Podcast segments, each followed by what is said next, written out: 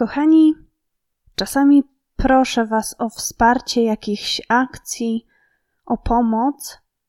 I dzisiaj również zwracam się do Was z prośbą o wsparcie pewnej zbiórki.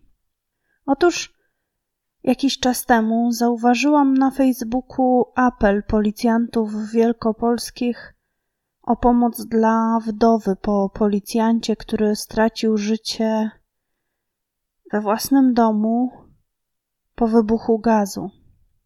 Kobieta, żona tego policjanta, również została bardzo ciężko ranna. Policjant niestety nie przeżył. Jego żona praktycznie straciła dach nad głową. Jeśli macie możliwość i chęć wsparcia, to pod odcinkiem znajdziecie link do zbiórki.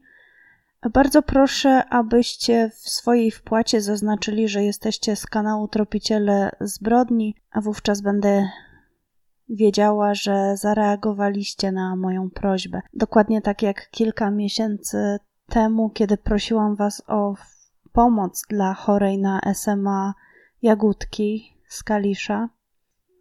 Pod odcinkiem znajdziecie link do zbiórki, tam możecie wpłacać pieniądze, możecie też zapoznać się ze szczegółami tego wypadku i zdecydować, czy chcecie wesprzeć tę zbiórkę. Przechodzę już jednak do tematu dzisiejszego odcinka. Znajdujemy się we Włoszech, gdzie 23 sierpnia 1999 roku w Rzymie na świat przychodzi Pamela Mastropietro. O jej dzieciństwie nie wiemy zbyt wiele, ale jako nastolatka wpadła w złe towarzystwo. Poznała chłopaka pochodzenia rumuńskiego, zakochała się w nim, a według rodziców Pameli miał on na nią bardzo zły wpływ, ponieważ dziewczyna miała za jego namową sięgnąć po narkotyki. Zdarzyło jej się nawet uciec z domu z tym e, chłopakiem. Rodzice, chcąc pomóc swojej córce, wysłali ją na leczenie odwykowe. E, dziewczyna trafiła na nie pod koniec 2017 roku. Nie była to jednak jej decyzja, by się leczyć. Czuła się w jakiś sposób zmuszana przez e, rodziców. Rodzice Pameli byli przekonani, że terapia pomoże ich córce odzyskać zdrowie i pokonać nauk, jednak dziewczyna była innego zdania i z tego powodu postanowiła uciec z ośrodka. 29 stycznia 2018 roku młoda Włoszka wyszła z terenu ośrodka, nie zabrała ze sobą telefonu komórkowego ani dokumentów i tego dnia nie powróciła do ośrodka, nie dotarła również do domu swoich rodziców i to zaniepokoiło pracowników, lekarzy, terapeutów. Przez kolejne dwa dni nikt nie wiedział, co stało się z Pamelą i gdzie może przebywać. 31 stycznia w Maceracie, mieście oddalonym od Rzymu o ponad 230 kilometrów, na poboczu przy jednej z dróg znaleziono dwie walizki. Po sprawdzeniu ich zawartości okazało się, że wewnątrz znajdują się poćwiartowane i wypatroszone zwłoki kobiety. Badania DNA wykazały, że ciało należy do zaginionej dwa dni wcześniej osiemnastoletniej Pameli Mastropietro. Poszukiwania sprawcy nie trwały długo. Policjanci ustalili, że dziewczyna pojechała do Maceraty autostopem i gdy już znalazła się w tym mieście, udała się do lokalnej apteki, gdzie zakupiła strzykawki. Pech chciał, że w tej samej aptece przebywał akurat nigeryjski dealer narkotykowy, który natychmiast zaczepił dziewczynę i zapytał, czy potrzebuje narkotyków. Pamela potwierdziła i zgodziła się pójść z mężczyzną do jego mieszkania. Dealer nazywał się Innocent Osegale. Jego imię oznacza niewinność, co w tej sytuacji jest prawdziwą ironią losu. Co stało się później? Osegale zeznał, że zabrał dziewczynę do znajomych dealerów Desmonda Lakiego oraz Avelima Lakiego. Mężczyźni mieli sprzedać Pameli zanieczyszczony narkotyk, po którym poczuła się źle, a następnie zmarła. Przestraszeni mężczyźni nie chcąc odpowiadać za nieumyślne spowodowanie śmierci, chcieli pozbyć się ciała i z tego względu poćwiartowali je i ukryli w walizkach, a następnie wywieźli je kilka kilometrów od miejsca zamieszkania. Według innych zeznań, dziewczyna miała jednak zostać zaatakowana przez Innocenta na tle seksualnym. Broniła się, jednak przeciwnikiem nastolatki był dużo silniejszy od niej mężczyzna. Pamela miała zostać przez Innocenta zgwałcona, a wszystkie czynności, które nastąpiły potem, miały na celu doprowadzenie do uniknięcia przez niego kary. Aby ukryć ślady gwałtu, narządy płciowe dziewczyny mężczyźni umyli wybielaczem, następnie rozczłonkowali jej ciało na 24 kawałki. Wszyscy podejrzani mieli tego dnia wyłączone telefony komórkowe między godziną 12 w południe a godziną 18. Następnie między 18 a 19 wielokrotnie ta trójka komunikowała się ze sobą. Nie będę przytaczała dokładnego opisu tego, co zrobiono dziewczynie. Niech wystarczy Wam tylko informacja o poćwiartowaniu ciała i wycięciu wnętrzności, w tym przede wszystkim serca.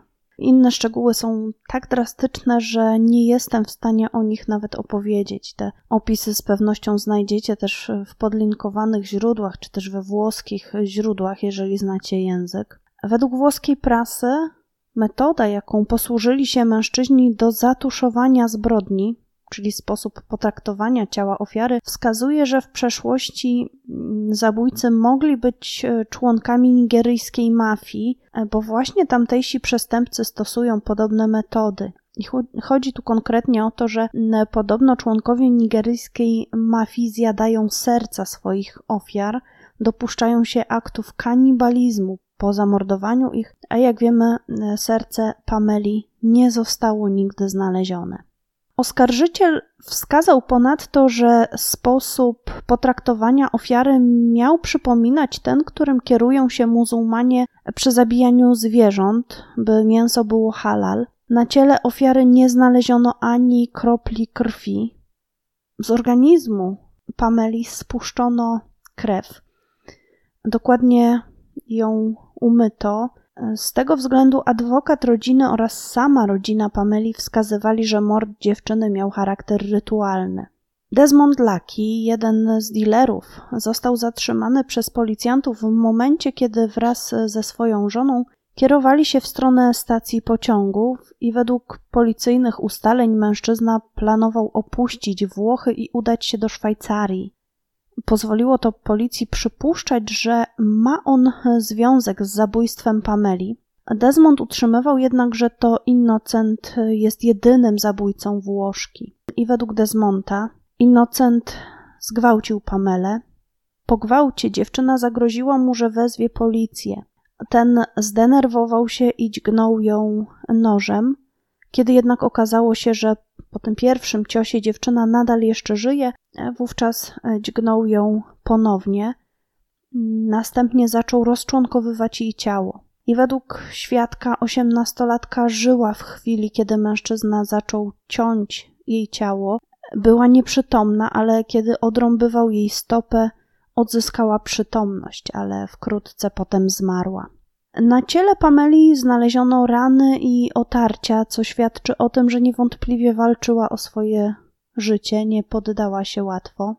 Innocent twierdził, że jest to nieprawda.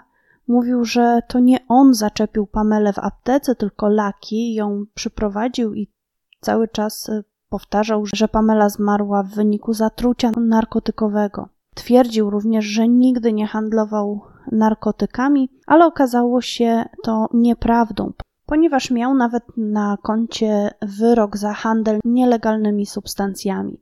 Nie udało się również potwierdzić tego, czy rzeczywiście Pamela przyjęła tamtego dnia jakiekolwiek narkotyki, ponieważ, jak wspomniałam, mordercy upuścili krew z jej ciała, wręcz spuścili ją właściwie całkowicie, dlatego nie można było tej krwi przebadać. Zabójcą dziewczyny okazał się być pochodzący z Nigerii Innocent Osegale. W jego domu znaleziono zakrwawione ubranie osiemnastolatki. Nie wiem, czy tę krew przebadano, ale wiadomo, że kwestii narkotyków w jej krwiobiegu, w jej organizmie nigdy w zasadzie nie potwierdzono, ani też e, nie wykluczono. W chwili popełnienia zbrodni Nigeryjczyk miał 29 lat i od kilku lat przebywał we Włoszech. Początkowo jego pobyt był całkowicie legalny, ale po tym jak jego zezwolenie na, po, na pobyt wygasło, Osegale przebywał we Włoszech jako nielegalny imigrant, a w dodatku z całkiem pokaźną kartoteką. Jego przestępstwa w głównej mierze związane były z narkotykami. Innocent cały czas utrzymywał, że jest niewinny, a do śmierci dziewczyny doszło przez wstrzyknięcie śmiertelnej dawki zatrutego narkotyku. Twierdził, że dziewczyna wstrzyknęła sobie ten narkotyk sama, ale sąd nie uwierzył w jego tłumaczenia. Policjanci bardzo dokładnie sprawdzili też e, facebookowy profil o Segale i jeden z postów szczególnie przykuł ich uwagę. I napisano w nim, cytuję: Kocham cię, mamo. Ty wiesz, że Bóg stworzył mnie właśnie takim, że mnie pobłogosławił, opiekował się mną i wybaczył mi, kochał mnie takim, jakim jestem. Koniec cytatu. Osegale został skazany na dożywotnie pozbawienie wolności. Mimo apelacji wyrok został utrzymany w mocy. Pozostali dwaj Nigeryjczycy zostali uniewinnieni od zarzutu zabójstwa, ale oskarżono ich o zbezczeszczenie zwłok oraz handel narkotykami. Skazano również chłopaka Pameli, 22-letniego Rumuna Claudiunitu, który miał zmuszać swoją dziewczynę do prostytucji, by w ten, w ten sposób płacić za narkotyki.